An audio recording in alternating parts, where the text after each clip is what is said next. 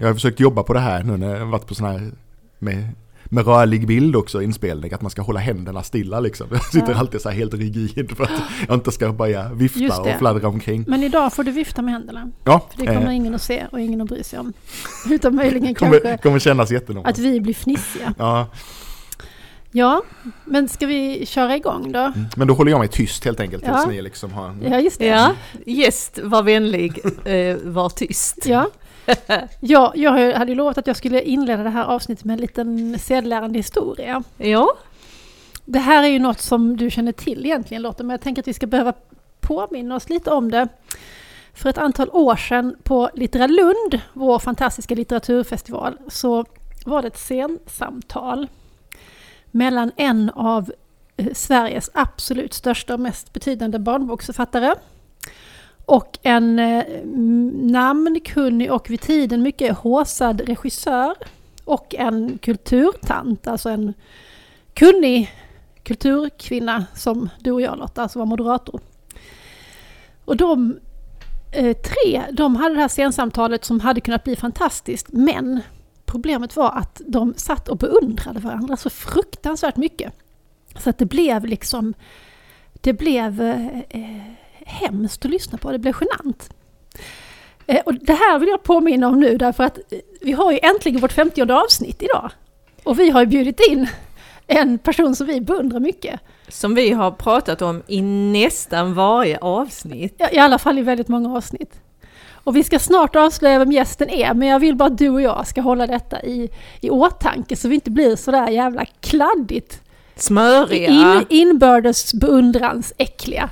Som de faktiskt var i tänk, det här om vi, samtalet. tänk om vi istället kommer att sitta och vara skitstygga Ja. mot vår gäst istället. Som gråtande kravlar sig ut ur vår tillfälliga studio här på Spyken. Ja, det, Vi får se. vi får se. Men nu kör vi signaturen.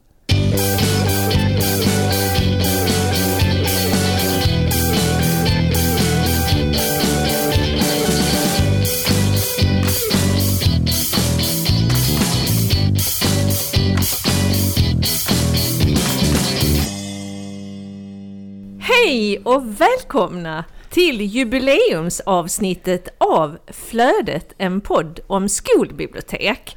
Ja. Avsnitt 50. Ja, och den personen som precis sa det, det var Lotta Davidsson Bask. Och jag som sitter mitt emot Lotta, jag heter Klara Örnefelt. Och idag har vi en gäst. En jubileumsgäst. Som vi är väldigt glada att välkomna hit till eh, Spykens eh, grupprum som heter Strömberg. Mm. Eh, och här har vi riggat vår anläggning. Och här är du nu, Erik Haraldsson! Hej! Välkommen till Lund. Tack så mycket. Du lyckades ta dig hit trots stormen Otto i annalkande.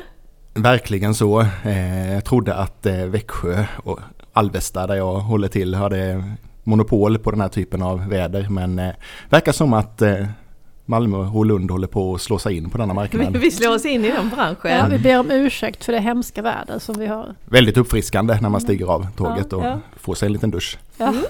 Man vaknar i alla fall. Mhm. Då eh, skulle jag gärna vilja presentera dig Erik. Du är skolbibliotekarie på Ringsbergsskolan i Växjö. Där har vi ju hälsat på dig. Eh, du, du kan få berätta lite mer om Ringsbergsskolan sen, men jag vill först säga att du läste eh, biblioteks och informationsvetenskap i Växjö. Du gick ut eh, i den andra kullen Stämmer. och eh, du gick ut 2008 Mm. och du skrev din uppsats om kvalitetsbegrepp och tv-spelsbestånd. Och det var alltså en fallstudie av eh, tv-spelsverksamheten vid Malmö stadsbibliotek. Och den examinerades i Borås. Så var det. Eh, Växjö hade inte fått examinationsrättigheter riktigt ännu då. Det var där det fortfarande hette Växjö universitet innan det blev Linnéuniversitetet. Eh, och eh, denna uppsats har jag skrivit och sedan förträngt. När jag flyttade nyligen så hittade jag faktiskt, eh, för det var ju Det här på den här tiden då man spelade in med hjälp av diktafon. Och då skulle de här små, små kassettbanden som man hade till sin diktafon sparas i minst tio år. Och då insåg jag till min lättnad att nu har preskriptionstiden på de här kassetterna, den, de har gått ut. Mm. Så nu eh, har jag inte längre någon skyldighet att kunna visa upp dessa om det är så att någon skulle vilja gå till botten med vad denna uppsats handlar om och hur den är genomförd. Men, vad, vad gjorde du med banden? Liksom slet du ut 100 meter sån här tejp eller? Eh, de har ju inkapslats i betong och sedan sänkts djupt ner. I Växjö River? Ja men så, så djupt, den djupaste småländska sjön jag kunde hitta. Mm, det låter bra. Mm. Ja, och så, så, gick du ut då 2008. Hamnade du direkt på Ringsberg? Eh, nej, så var det inte. Utan först så tog jag en sväng om till Tokyo för att eh, få lite perspektiv på saker. Det var perfekta tillfället att åka ut och göra någonting annat. Så under ett halvår så eh, Eh, studerade jag språk där eh, och sen så kom jag tillbaka och tänkte att ja, men Växjö, det är jag ju färdig med nu. För där har jag ju pluggat och eh, nu är det ju liksom läge att utforska någonting annat. Men sen funkar det ju sådär när man söker jobb att det är ju lättare att få jobb där, där folk vet lite grann om vem man är.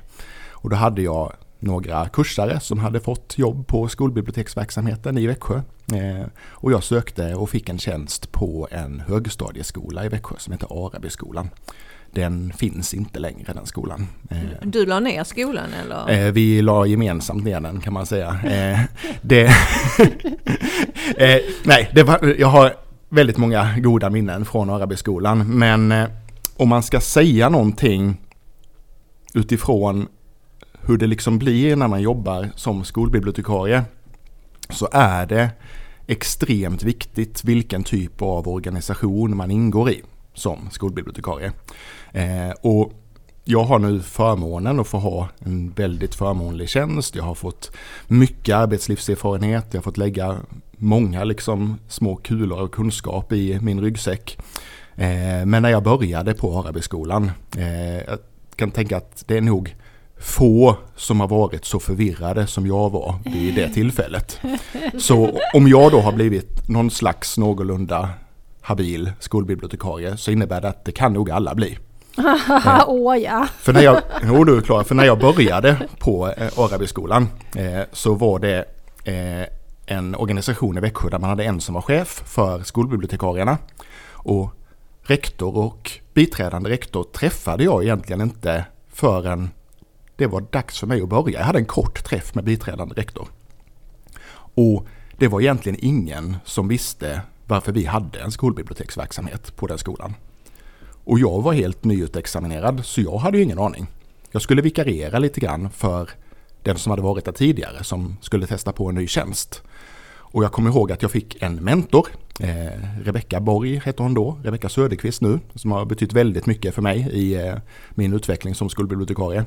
Eh, och hon betydde väldigt mycket redan från första dagen. Är, eh, är hon bibliotekarie? Hon var bibliotekarie då, jobbar numera som biträdande rektor i Alvesta. Precis, mm. ja. Ja, det är Rebecka som vi har träffat. Ja, jajamän, vi jobbade mm. tillsammans länge sedan och var ganska mycket radarpar. Lite som eh, vissa Flödet-poddinnehavare som jag känner. Men redan första dagen så var det här väldigt betydelsefullt för mig. För då skickade jag nämligen ett mail till Rebecka. Och det mejlet innehöll Du, när slutar jag om dagarna? för jag hade ingen aning. Du visste inte ens vilken arbetstid du hade? Jag visste inte ens vilken arbetstid jag hade. Utan jag kom in i biblioteket, skolbiblioteket. Där fanns en disk. Jag satte mig bakom denna disk och så funderade jag, vad är det meningen att jag ska göra här? För jag hade inte en aning. Och då hade du, eh, liksom, hur stor procent hade du? Eh, då hade jag en heltidstjänst, men det var 80 procent på den här skolan, där jag var på uppdrag kan man säga. Men där jag då var nästan varje dag. Och sen hade jag 20 procent som var kommunövergripande tid. Mm. Eh, där man arbetade mot förskolorna till exempel, eller hade andra olika typer av samverkan med alla de skolbibliotekarier som vi då hade i Växjö. Men jag lärde mig snart att det mitt jobb till 90% bestod av, det var det fanns då, det här var också på den tiden när man hade, man hade inte bärbara datorer till alla elever ännu. Utan det fanns en liten datorsal i biblioteket. Och den här datorsalen var väldigt eftertraktad för där ville man kolla bilddagboken. som då var det hetaste sociala mediet. Eh, och eh, då gjorde jag ett schema för när man kunde skriva upp sig så att man kunde sitta vid en av de här fem datorerna. Och sen så eh, Eh, när det var dags för en elev att gå in och en annan elev att lämna så låste jag upp datorsalen och bad en elev att lämna och nästa elev komma till. Och det var 90 procent av min tjänst. Ja, det kan jag tänka mig att det, mm. att det tog sin lilla tid. Mm, men vad bra att du hade en examen i biblioteks och informationsvetenskap med dig. Så ja, men, du var rustad för det där nyckelöppnandet. Och... Verkligen. Eh, jag kunde både öppna och stänga denna dörr mycket ja. förtjänstfullt. Eh, och sen ibland så kom det då förfrågan från lärare som handlade om eh, mycket eh, kring eh, bokprat. Man kunde komma och presentera lite böcker och sådär. Och då var det lite så att då fick jag nästan gå bort och kolla med eh, rektor på skolan. Är det okej okay om jag går och gör det här bokpratet? För då innebär ju det att då kommer biblioteket att vara stängt under mm. den tiden. Mm. Eh, och då var det ju oftast okej okay att göra det, men man kunde liksom inte bara gå och stänga biblioteket hur som helst, utan det viktiga var att det var tillgängligt och öppet. Eh, och så kan man ju jobba med en skolbiblioteksverksamhet. Man kan och, jobba mycket med fokus på lokalen. Och så kan vi säga att oj oj oj, så var det på den tiden. Men vi vet ju om att så är det faktiskt också på många, många ställen fortfarande. Och det är det som är min poäng lite ja. grann. Ja. Mm. Hur länge var du kvar där då? Jag var där ändå ganska många år. Vi byggde om skolan också och den upprustades bara ett par år innan man bestämde sig för att avveckla den och ersätta den med en låg och mellanstadieskola, en F6-skola. Eh, och då gjordes även biblioteket om. Så då eh, packade jag ner hela beståndet i olika typer av lådor och sen så låg det liksom i träda i ett år. Och det var ganska bra att det gjorde det.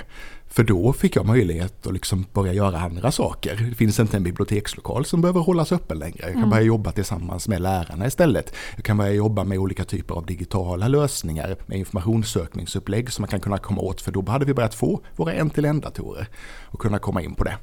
Eh, så att genom det så började vi utveckla det lite grann. Eh, och sen så eh, valde jag också då att när det blev ett läge där min kollega Rebecka som jobbade på grannskolan på Bokelundsskolan hette den då, eh, valde att bli biträdande rektor på ledningsresurs hette det då, på 50% Så tog jag 50% av hennes bibliotekstjänst på Bokelundsskolan. Så då jobbade vi tillsammans där halva veckorna mm. och hon hade ett helt annat tänk mm. kring hur man hade organiserat skolbiblioteksverksamheten. Där var man schemalagd, man var ute i klassrummen, man jobbade hela tiden tillsammans med lärarna mot eleverna, man hade gemensamma tankar och planeringar kring vad det var man skulle göra. Så då var det jag förstod att oj, är det det här man kan jobba med som skolbibliotekarie? Så här skulle man kunna göra. Mm. Eh, men då var det ganska ingrått redan hur man jobbade på Arabiskolan. Det är lättare att gå in och göra en organisationsförändring tidigt i en process. Än ja, att göra en, än när man redan har suttit där och vaktat rummet ett tag. Ja men precis, mm. för då finns det vissa förväntningar och då är det svårt att ändra på vad som sitter i väggarna. Så mm. att den förändringen fick jag aldrig riktigt till där. Eh, och sen så avvecklades ju den skolan då. Eh, och då förändrades många tjänster. Samtidigt, eller ungefär i den vevan så gick också chefskapet för alla bibliotekarier ut på rektor också. Så att den här organisationen med en skolbiblioteks chef så att säga, den försvann. Mm. Och så blev varje rektor chef för sin bibliotekarie istället. Och du övergav högstadiet helt då? För nu jobbar du på nästan kan man säga. Ja. Jag gjorde en sväng om på eh, en gymnasieskola i Växjö eh, som heter Teknikum. Där var jag ett halvår på ett kort vikariat. Ja. Och sen så fick jag möjligheten att börja jobba som skolbibliotekssamordnare eller skolbiblioteksutvecklare tillsammans med Rebecka då. På halvtid och ha Ringsbergsskolan, en F9-skola på mm. halvtid. Så jag jobbade då med hela vägen från förskoleklass till årskurs 9. Mm.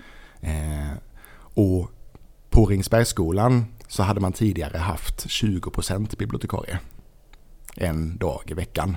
Och då är det ganska lyxigt att komma in på en halvtid. Mm. För att plötsligt, det finns liksom ingen som riktigt förväntar sig någonting, vad är det du ska göra för något? Och då insåg jag också att här har jag chansen, det här som jag då inte lyckades göra på Arabiskolan. Att jag kunde gå in och så kunde jag prata med rektorn och säga så här skulle jag vilja organisera skolbiblioteksverksamheten.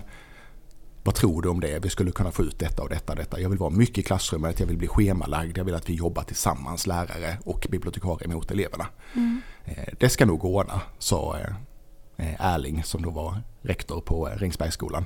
Och så bad jag honom att kan du vara med då första gången som liksom jag sitter med med arbetslaget så att jag vet att jag har dig i ryggen kring det här. För jag tänkte att det kan ju bli lite motstånd. Mm.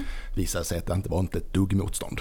Utan man hade en helt annan pedagogisk tanke på den här skolan där det handlade väldigt mycket om ämnesövergripande samverkan. Eh, det handlade om eh, att ha öppna klassrum där olika kompetenser kunde samverka. Så det togs emot hur enkelt som helst. Jag var ju rustad till tänderna med argument för varför det här ska, liksom, det här ska vi lyckas göra nu för det är så jag, jag vill ha det. Mm. Och så behövde jag egentligen inte fightas alls. Och det var så både på låg och mellan och högstadiet? Det var ingen skillnad mellan stadierna? Sådär. Eh, vissa tendenser kunde man se, och det kan man nog fortfarande, att ju högre upp du rör dig i stadierna desto eh, mer stoff finns det i eh, kursplaner och centralt innehåll. Ja, och desto fler lärare är det som eleven kommer i kontakt med. Ja. Så att rent organisatoriskt så blir det lite klurigare att få till på ett bra sätt. Ja, eh, I lägre åldrar så är det ganska enkelt att gå in och ha samverkan med klassläraren, liksom, den ja. som har klassen och Den har så alltid. mycket tid så den kan så lätt flytta runt saker liksom, mellan Prec ämnena. Precis, så man kan jobba lite SO, man kan jobba lite svenska, man kan jobba lite teknik, man kan liksom hoppa runt. Medan på högstadiet så funkar det inte att göra riktigt så. Utan där blev det ett lite mer långsiktigt arbete och börja bygga upp samverkan med olika lärare i olika ämnen. Att under de här veckorna så jobbar vi hemkunskap. Då är skolbibliotekarien och hemkunskapsläraren med. Nästa gång så jobbar vi i musiken, då är det skolbibliotekarie och musik några veckor. Sen är det svenska, då är det skolbibliotekarien och svenskläraren. Så jobbar vi med rapportskrivande som är liksom ett längre eh, teoretiskt arbete. Vi har en skriftlig rapport och en konstnärlig rapport. Då är det mycket informationssökning, så då finns det en naturlig plats där.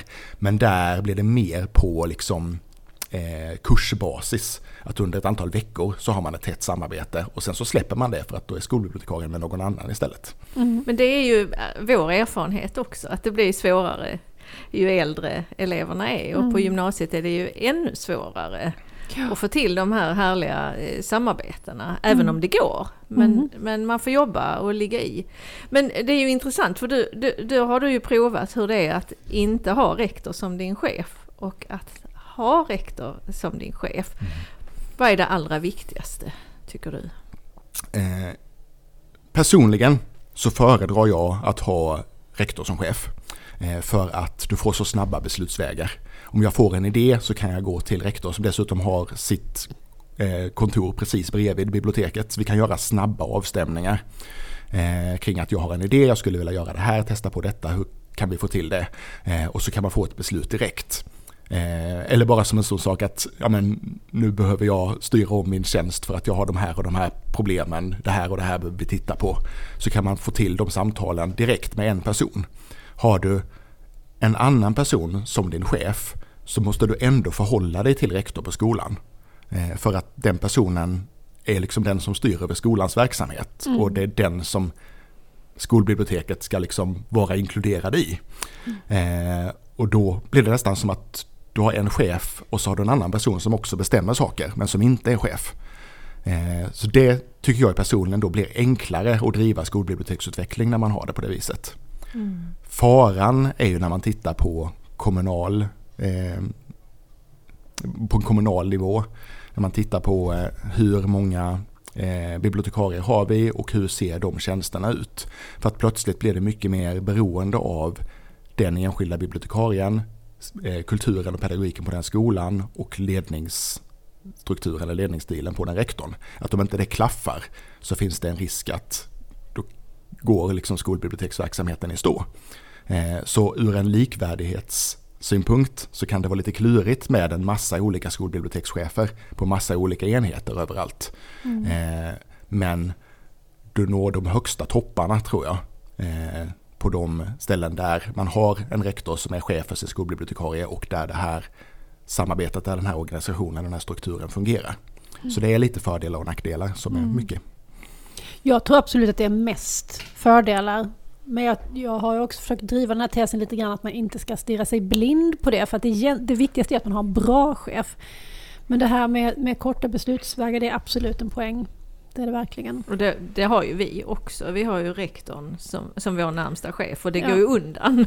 När vi frågar om någonting ja. så får vi ju svar direkt. Ja. Det uppskattar jag väldigt mycket. Man kan inte sitta i långbänk och vänta, eh, veckor och månader. Ja, nej precis. Jag har ju haft, in, inte haft rektorn som chef på en arbetsplats. Och det funkade också jättebra för att var, hon var en bra chef. Men det, det blev ju ändå lite så här att ja, det tar vi med ledningsgruppen och sen så återkommer jag. Så då blir det lite, som du säger, längre.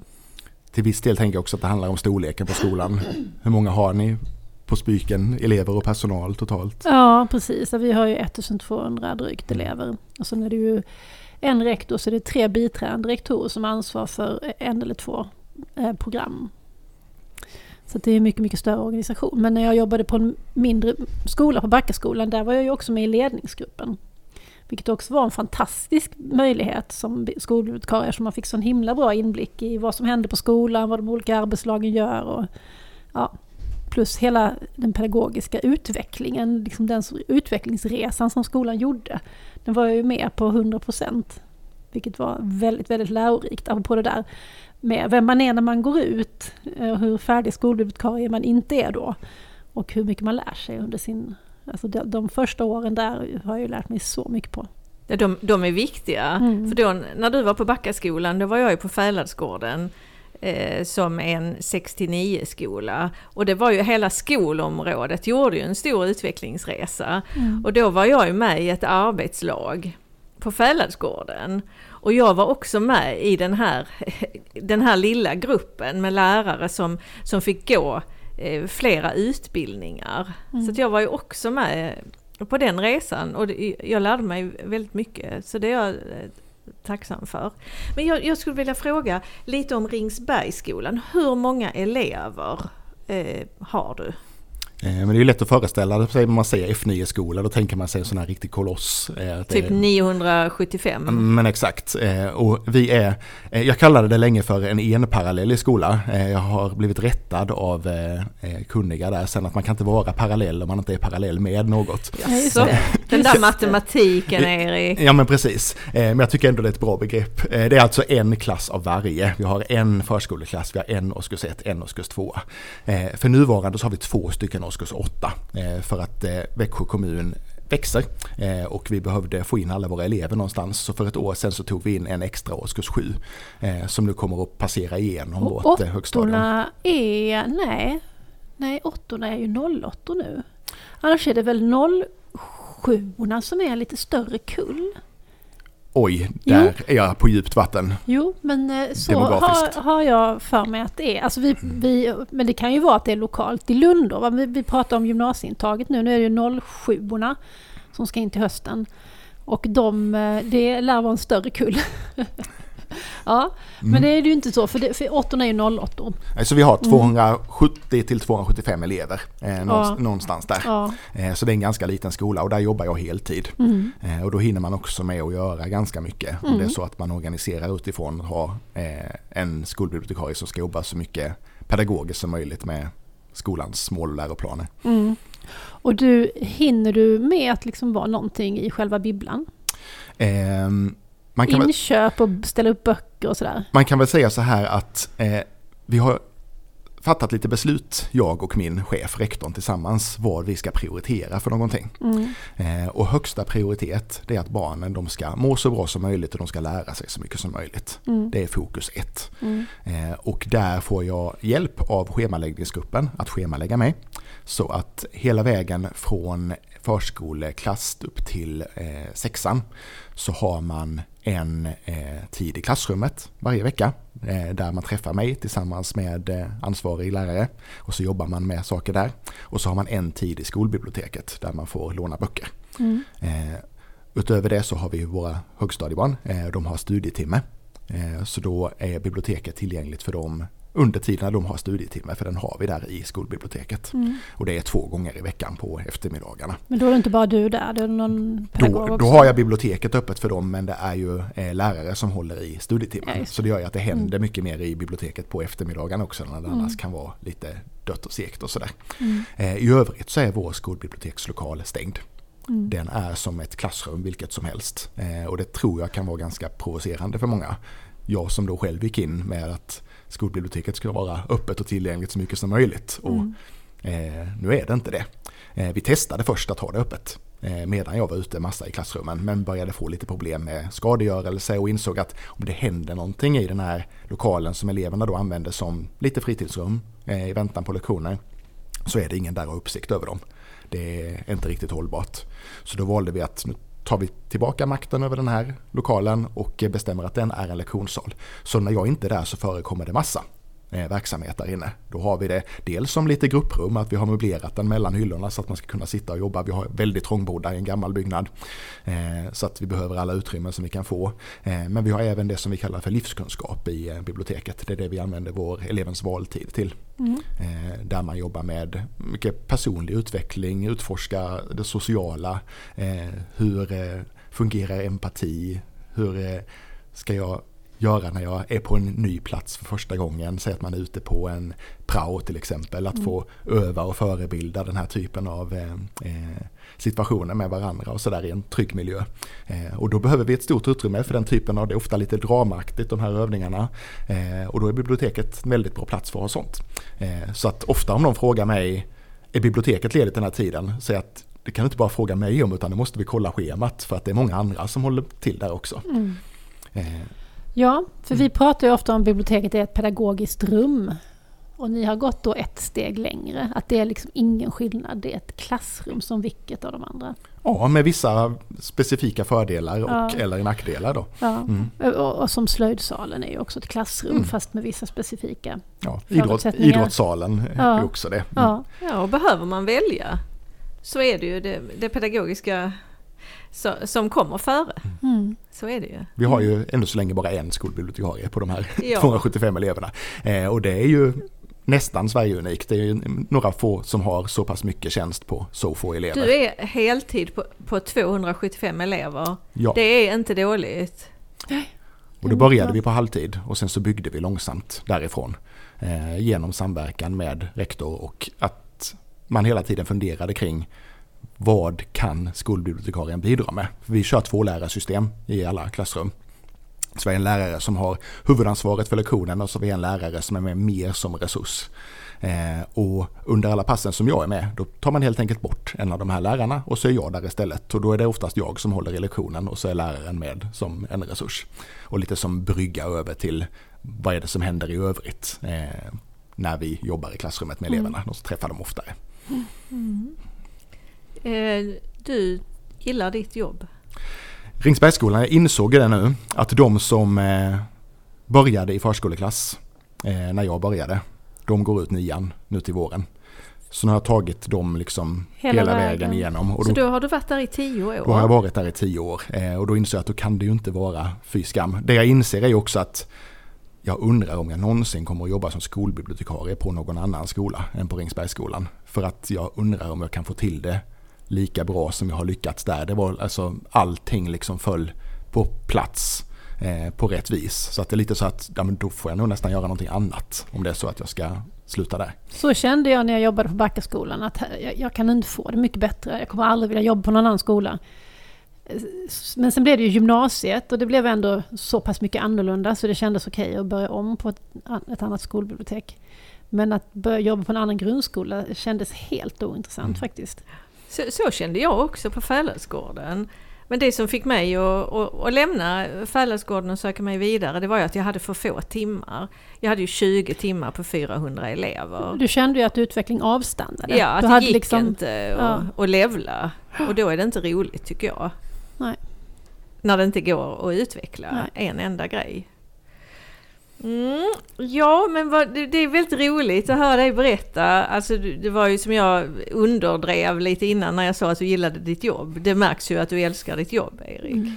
Ja, och det har ju att göra lite grann med vilka man jobbar med tillsammans och sådär också. För att det var ju verkligen så att de här första året kan man väl säga då, när jag arbetade och då inte riktigt visste vad jag skulle göra och ingen annan riktigt hade möjlighet att ge mig några direktiv heller. Att funderade jag ju verkligen på, är det det här jag vill göra? Eh, det var ju inte speciellt roligt. Nej, eh, sitter där i en tom bibbla liksom och, och undrar när man kan ja, gå hem. Och ibland om man ska gå, dra det liksom, om man ska försöka abstrahera det här lite grann.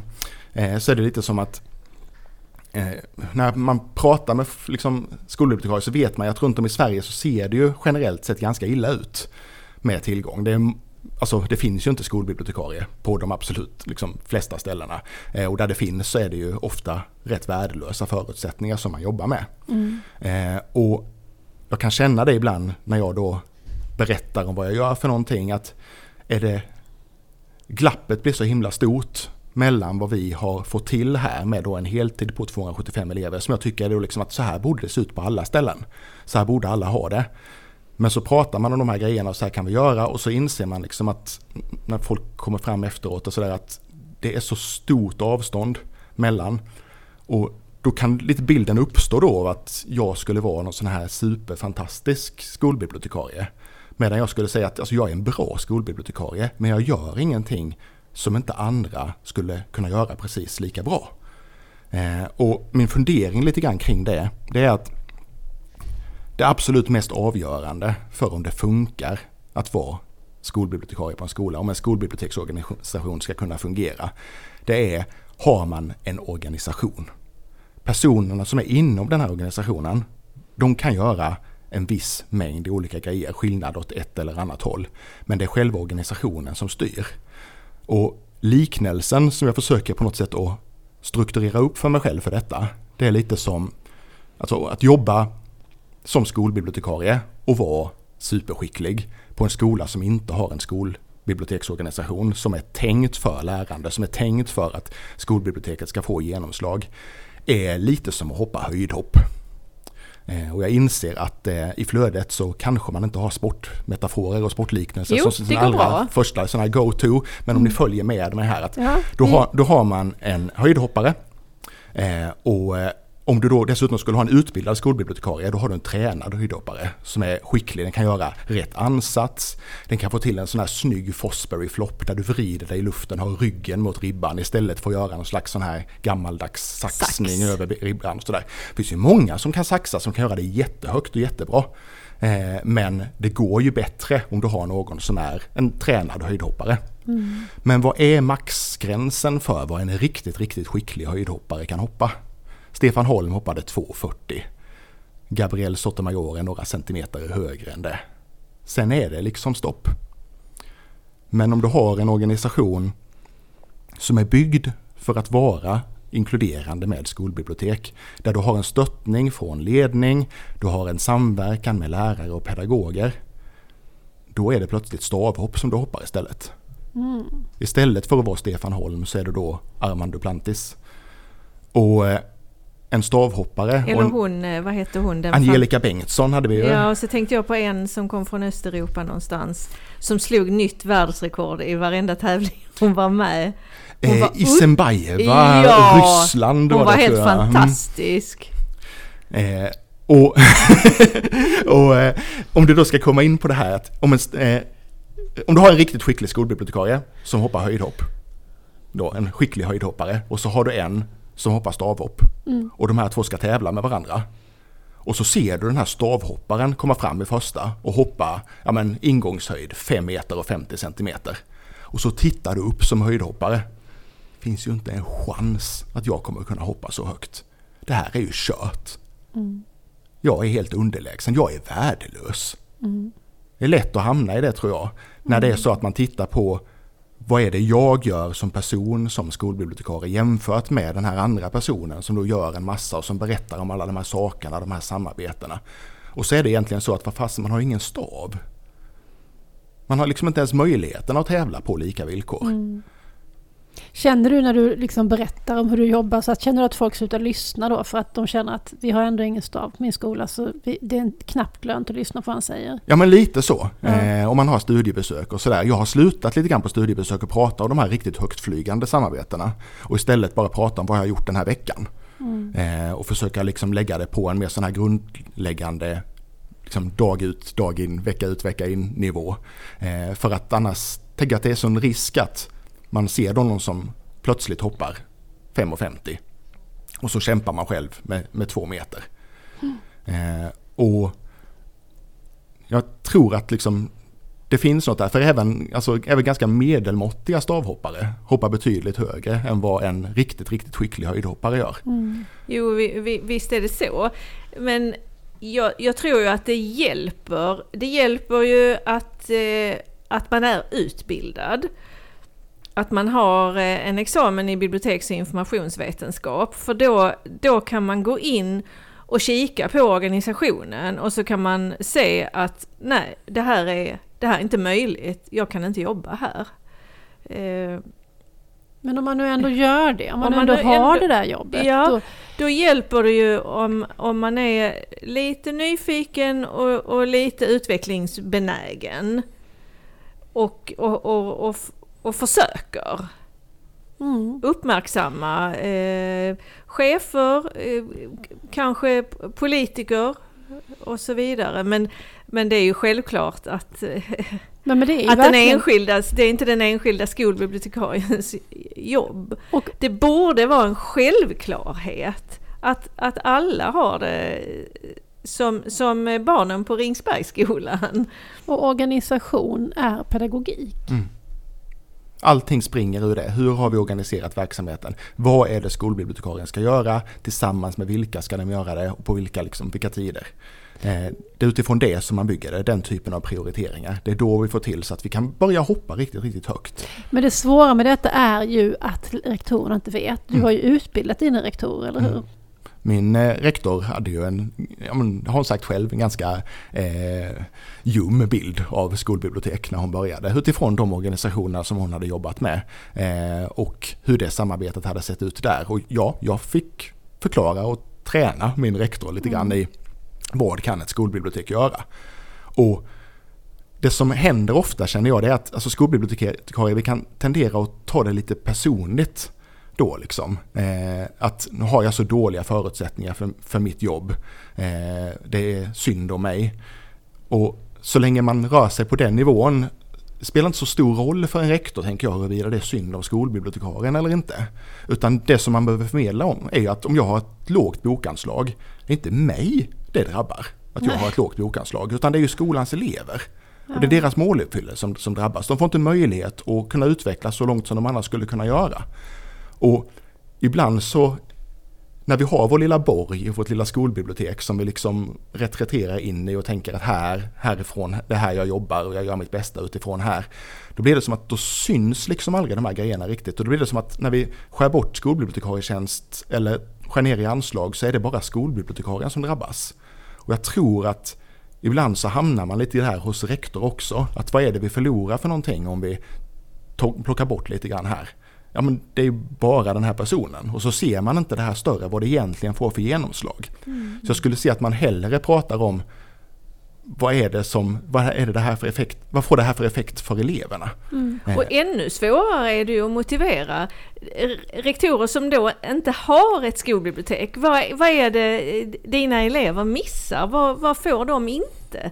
För att ni inte har ett skolbibliotek och en skolbibliotekarie. Mm. För bekymret vi har som skolbibliotekarier eller som eh, skolorganisationer överhuvudtaget lite grann är att ofta så börjar man, om man inte vet någonting om någonting så börjar man från noll.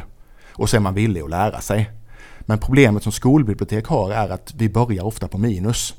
För att de flesta vet redan vad ett bibliotek är för någonting. Man har redan en ganska så bestämd bild. Och då har man ofta bilden av att det är ett folkbibliotek. För det är det biblioteket som man är bekant med. Och det är ju likadant med skolan ju. För att man, då tänker man, om man inte vet någonting om skolan, så tänker man att ja, men det är som när jag gick i skolan. Eller som Petter och Lotta. Alltså man börjar från något helt annat. Precis. Gammalt.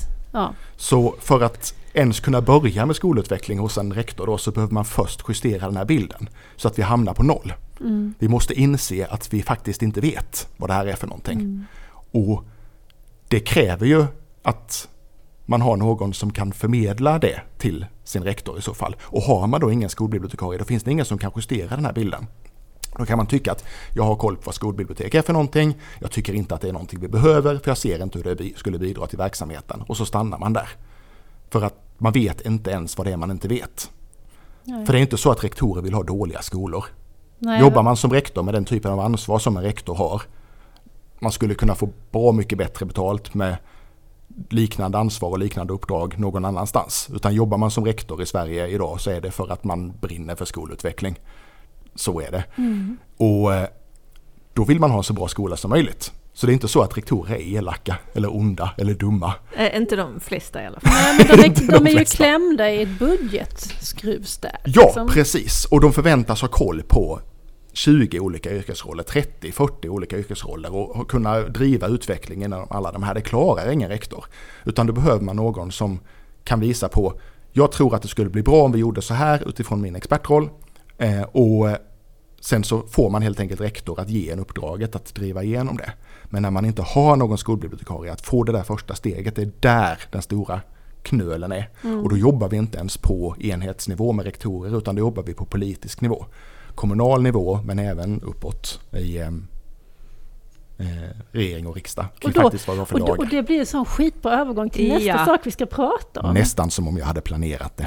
Ja. Ja, för att vi, vi ska ju gå vidare och prata om det här uppdraget som du fick för en tid sedan. Du är ju alltså ledamot i Läsrådet.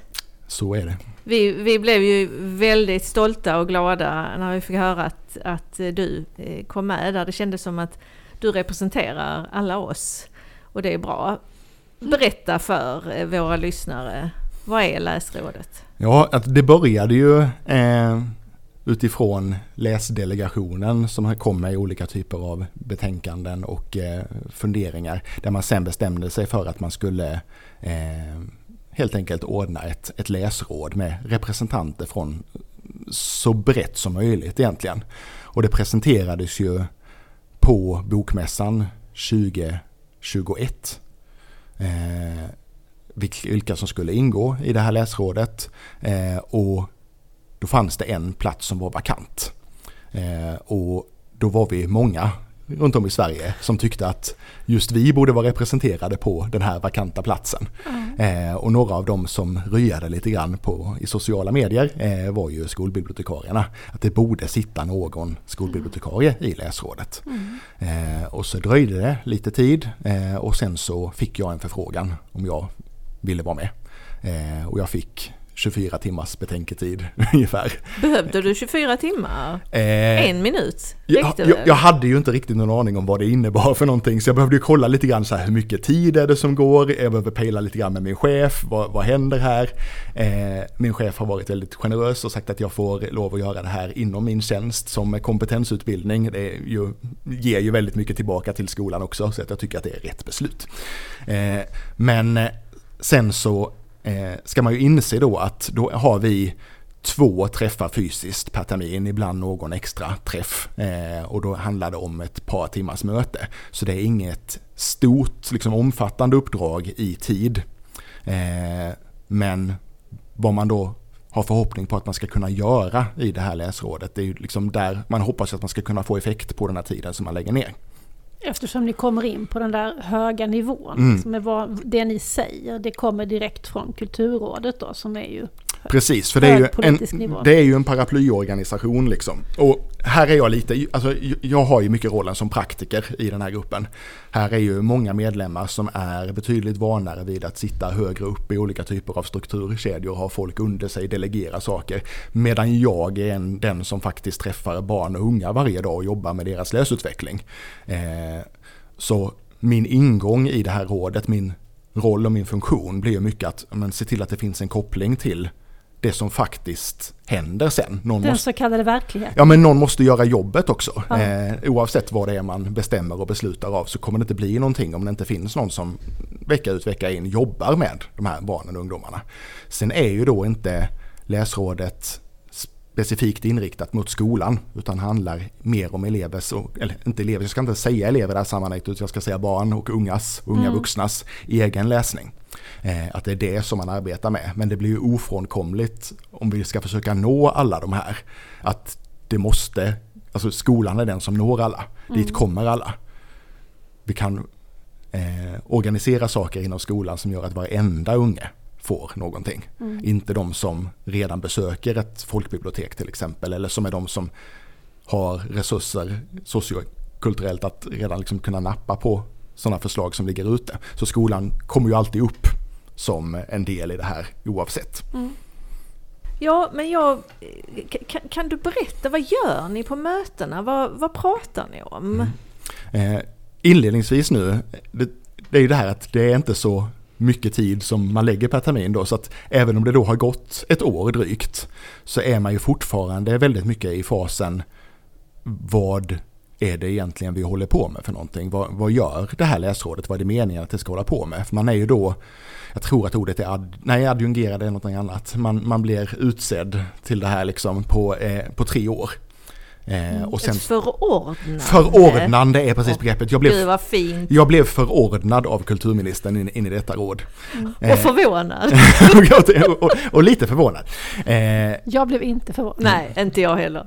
Eh, men eh, det betyder att alltså, vi har inte riktigt gått igenom hela processen ännu så att säga över ett år utan snart har vi gjort de saker som ligger i ett årshjul så att säga, liksom ett varv. Eh, så det är där vi är i processerna. Eh, men en av sakerna som hände var ju att eh, läsrådet var den som, de som utsåg årets läsambassadör, mm. Nyosha. Eh, då hade kansliet plockat fram ett antal kandidater. Eh, det var många, man fick ju söka till läsrådsposten mm. det här året. Det var många som var intresserade och extremt svårt att välja. Eh, men Nyosha drog absolut det vinnande strået. Du kanske ska säga hela Nyosha hennes Shams. namn? Mm. Nyosha Shams. Mm. Ja, det blir att man träffat folk så blir de förnamn för en på något vis. Och det var mycket för att hon hade ett fokus mot eh, just unga och unga vuxna. Eh, jag kan bli lite frustrerad ibland över att alla insatser som görs kring läsning eh, och barn riktar sig mot ganska unga barn. Mm. De som fortfarande redan läser. Mm. när det kommer olika typer av initiativ och sådär så väljer man oftast de som redan är läsare för att det är så mycket lättare att få en framgångsberättelse då. Eh, medan när man kommer upp på i åldrarna när många slutar läsa, tonåren, mm. vi vet att vi tappar dem, då droppar också initiativen av för att det är lite knöligare att få till. Mm. Eh, och Neosha har det fokuset mot dem och han har också fokus mot eh, flerspråkiga elever. Har inrättat ett eget eh, ungdomsråd med eh, medlemmar som jag egentligen tycker är en häftigare idé än vad läsrådet är. Mm. Vi ska ju ha Nyosha Shams på Litteralund. Oh. Hon kommer och det blir ett samtal mellan henne och en gammal läsambassadör, nämligen Ann-Marie Körling. Just det. det läsambassadören möter före detta läsambassadören. Det, det ska bli väldigt roligt att lyssna på. Eh, jag fick också förmånen att ha eh, Nyosha ute hos, och träffa våra årskursåttor eh, för samtal kring läsning. Och hon öppnar upp perspektiv som jag känner att här hade jag ganska mycket att lära mig av kring hur man kan se på läsning överhuvudtaget, vad som är läsning och att få eleverna att fundera över, är jag läsare eller inte? Och vad innebär det egentligen att vara en läsare? Mm. Eh, är det en roll som man alltid är i eller är det en roll som man kliver in och ut ur beroende på vilka praktiker man ingår i? Mm. Är man en läsare i vissa sammanhang och inte i andra sammanhang? Eh, och att alla läser mycket, mycket mer än vad de egentligen tror. Mm. Det är bara det att när de tänker på läsning så har man en lite låst bild av vad det innebär för någonting. Snävt perspektiv, mm. ja. Mm. Ja, men det är intressant. Mycket intressant. Det kanske vi får återkomma till. Mm. Ja, det gör vi. Ja. Eh, vad man kan säga också, så att jag lyfter upp det här, det är ju att eh, eh det beror på lite när den här podden släpps, om det blir eh, i nästa vecka när det här spelas in då eller om den redan är släppt så kommer eh, läsrådet ut med en rapport. Eh, och den handlar om eh, egentligen, den är explorativ så att den undersöker lite grann hur ser det ut med insatser kring läsning och läsfrämjande runt om i Sverige med en väldigt bred ansats eh, utifrån forskning, utifrån eh, olika typer av PISA-studier, utifrån olika förslag som ligger. Eh, och mitt jobb där har ju varit att försöka få med så mycket om skolbibliotek som det bara går. Eh, och jag ser fram emot att eh, få se hur eh, alla funderar och tänker kring denna rapport när den släpps. Det blir ju superspännande. Mm. Kommer ni att ha en, en presskonferens då när den släpps? Och jag har inte riktigt koll på det här. Nu börjar vi röra oss och sånt där. Jag känner att jag inte riktigt bottnar liksom. Och, kommer, och kommer den att släppas Men på någonting... något skolbibliotek eller på något litet, någon liten filial någonstans? Eh, Och så kommer någon att läsa en saga av Astrid Lindgren. Jag, jag, hä- händer det så får jag någon slags eh, hjärnblödning tror jag. eh, utan jag hoppas på ett brett genomslag i eh, medier eh, och jag hoppas på att den ger en ordentlig debatt kring eh, vad vi egentligen vill ha för förslag kring läsning och vad är det vi vill driva för typ av frågor. Hur når vi det här egentligen? Men oavsett när man lyssnar så det här kommer hända vecka 8 2023. Så Ja. borde det vara. Ja, jag, jag tänker ju på med läsning som mål som Kulturrådet kom ut med för ett antal år sedan som handlar om läsfrämjande verksamhet på folkbibliotek. Som var en fantastiskt bra skrift. Jag Mm. tänker om det kommer något som är lika bra som den men som är nu. För den har vi ju Som haft mycket nytta av. Ja för mig har det varit ju en enorm ögonöppnare eftersom det var där jag första gången kom i kontakt med Linda Gambrell som jag sen började jobba jättemycket med. Hennes ehm, Rules of Engagement. Så att, ja, nej men vad spännande. Mm. Mycket spännande. Det ser vi fram emot. Ja. Ja, och vi ser fram emot ett lov Mm. som inträffar om några timmar, eller hur? Ja. Det är väl lite olika där beroende på vilka... Sportlov, sportlovet skiftar ju lite grann. Ja, just det. Men här i södern så är det ju vecka åtta Stämmer för mig är- också. som är sportlovet och så också i Växjö. Mm. Vad ska du läsa, Erik? Eh, jag önskar lite grann att jag eh, inte hade läst ut boken som jag precis har läst ut. Åh, för, för den hade jag gärna haft kvar lite grann på sportlovet. Men det är en sån som jag har läst under flera om- omgångar. För jag började läsa den och sen så eh, var den ju bra. Så då börjar man ju liksom prata med elever runt omkring med den och så lånar man ut den. Och så får man tillbaks den och så hinner man läsa lite till och så lånar man ut den igen. Så att ofta är det ju så för Okej, skolbibliotekarier men vilken är det? Precis, bra hype av mig. Ja. Eh, och det är ju då en bok som jag tror att många redan har koll på. Den har jag som helt enkelt har släpat efter i min läsning och det är Silla Jackerts F som är sämst. Eh, Okej. som utspelar sig eh, i, eh, men det är en huvudperson som heter eh, Jonna och som är eh, ganska så eh, hon är en sån här som liksom är lite småstrulig, det blir aldrig liksom riktigt. Eh, första kapitlet är helt fantastiskt för där skildras det eh, egentligen Jonnas inre monolog när hon sitter och ska skriva ett prov. Och allting som händer runt omkring henne hela tiden bara går in och stör och distraherar. Så när provet är slut, hon ska beskriva en elmotor och det har hon liksom inte lyckats med. Eh, och så har Jonna en stora syster som heter Miriam som har högsta betyg i nästan allting. Eh, och hon jämför sig med den här systern och det som Jonna tycker allra bäst om egentligen det är att liksom ligga på sitt rum och peta snorkråkor och äta godis som man har snott från olika ställen. Eh, och man tror liksom lite grann att man vet vad den här berättelsen är på väg och så infrias det till viss del men inte helt. Och jag tror att jag blir både jag blir arg och jag blir ledsen och jag blir liksom glad medan jag läste den. Eh, och jag älskade också vad man gjorde med slutet, att det är liksom inte så här att allting bara lägger sig till rätta och så. Man planterar vissa grejer som man som vanlig läsare tror att så här kommer det att bli, men nej, inte riktigt, för sån är inte Jonna liksom. Ja, det låter ju jättespännande. Är det tonår eller HCG? HCG. HCG-klassad. Ja. Mm. Jag har inte läst den men den har, det är en sån bok som man har sett. Alltså den har en år på nacken. Så man har ju sett den i, 2018 tror ja. jag. Så den har ju funnits i hyllorna. Det, det var på eh, Matteus till exempel så hade jag ju den i, hyllan. Så. Men jag läste den inte. Jag läser alltid bara nya böcker så att eh, jag, det som jag inte läst när det är nytt det missar jag. Det, Jag kände genast att det här är en bok jag vill ha i klassuppsättning och som jag vill läsa på mellanstadiet tillsammans med, med barnen. För det finns så mycket i den. Eh, sen har jag en bok i min väska också och det är eh, Warcross av, av eh, Mary Lou. ja, Eh, det. som eh, inte heller superny. Eh, jag hade förmånen att vara nere på stadsbiblioteket, vi hade ett gemensamt möte och så hade de, de ska bygga om lite grann och så hade de böcker som de rensade ut och bara, oh vilket snyggt omslag, den tar jag.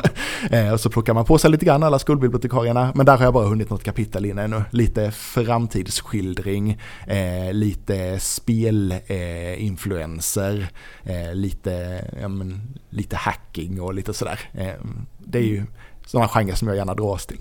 Mm. Lite fantastiskt så. Vi pratade ju om det häromdagen, du och jag Klara, att eh, nu när jag jobbar på gymnasiet så hinner jag inte läsa så mycket HCG längre. Jag läser det ibland eh, för att jag bara vill.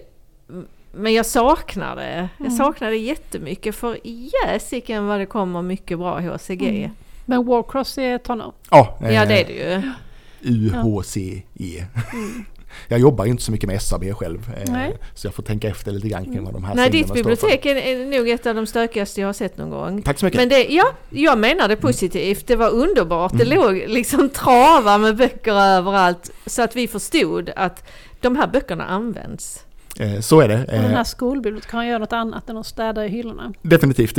Jag städar gärna i hyllorna. Det är ganska terapeutiskt för mig att få göra det lite grann ibland och eh, liksom just få upp böckerna och få liksom ordning. För det är någonting annat än det här ganska kognitivt belastande arbetet som Mm. man annars har. Eh, Men det är också en gemensam prioritering vi har på vår skola att eh, om vi ska prioritera barnens lärande eller om det ligger bokhögar lite grann här och var i bibblan så ska vi prioritera barnens lärande. Så alla är med på detta. Vad roligt att du sa det här med kognitivt eh, belastande. För att vi eh, pratade om läshund häromdagen. Och de orkar ju inte jobba så långa stunder i taget för att de blir helt utmattade. Själva hundarna. Själva hunden, Ja, för de de- har sån full... eh, eh, De är så himla lydiga Upp- när de är läshundar, så sen måste de ju bara få vara hundar liksom och Ja, springa de har så runt full och upp- lukta upp- på bajs och göra sånt som Ja. de vill själva. De har full uppmärksamhet eh, på det här barnet som läser. Så att det tar så mycket energi dem. Så när man har varit uppe i, ute i klass mycket så får man springa och lukta på bajs lite grann. Sätta man upp, bara- sätta, sätta upp böcker i Ja, hyllorna. nej men Ja, bara vara människa, det är ju Ja. det liksom. Ja, plasta en bok Och inte kanske. bara vara till för någon annan. Mm. Ja, ska jag säga vad jag ska läsa Ja, nu vi eller? vill, vi vill veta vad du ska läsa. Ja, men jag kan säga vilka böcker jag håller på att läsa just nu. För dels läser jag Linda Jones nya bok. De tar allt ifrån mig, tror jag den heter, eller oss. Mig eller oss, men jag tror det är mig. Och ehm, den handlar om en inställd älgjakt. Och den är hittills gillar jag bäst att det är så fruktansvärt trashigt. Det är, det är inget skönmåleri någonstans där. Men det ska bli intressant att se var den landar. Och sen läser jag ju också en bok högt för mitt barn. Och nu läser vi faktiskt Blodregn-serien. Har du läst den? Nej.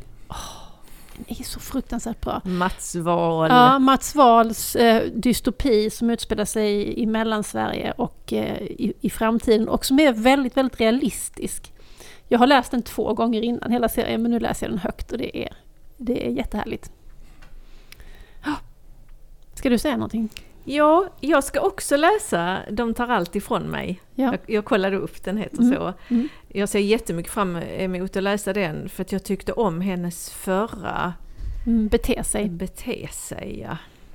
Det, det kom ju flera böcker då som utspelar sig liksom inte i Malmö, Stockholm eller Göteborg utan uppe i, norrut Glesbygd. i vårt, eh, i vårt Drama. land, liksom lite mer hillbillyland. Mm.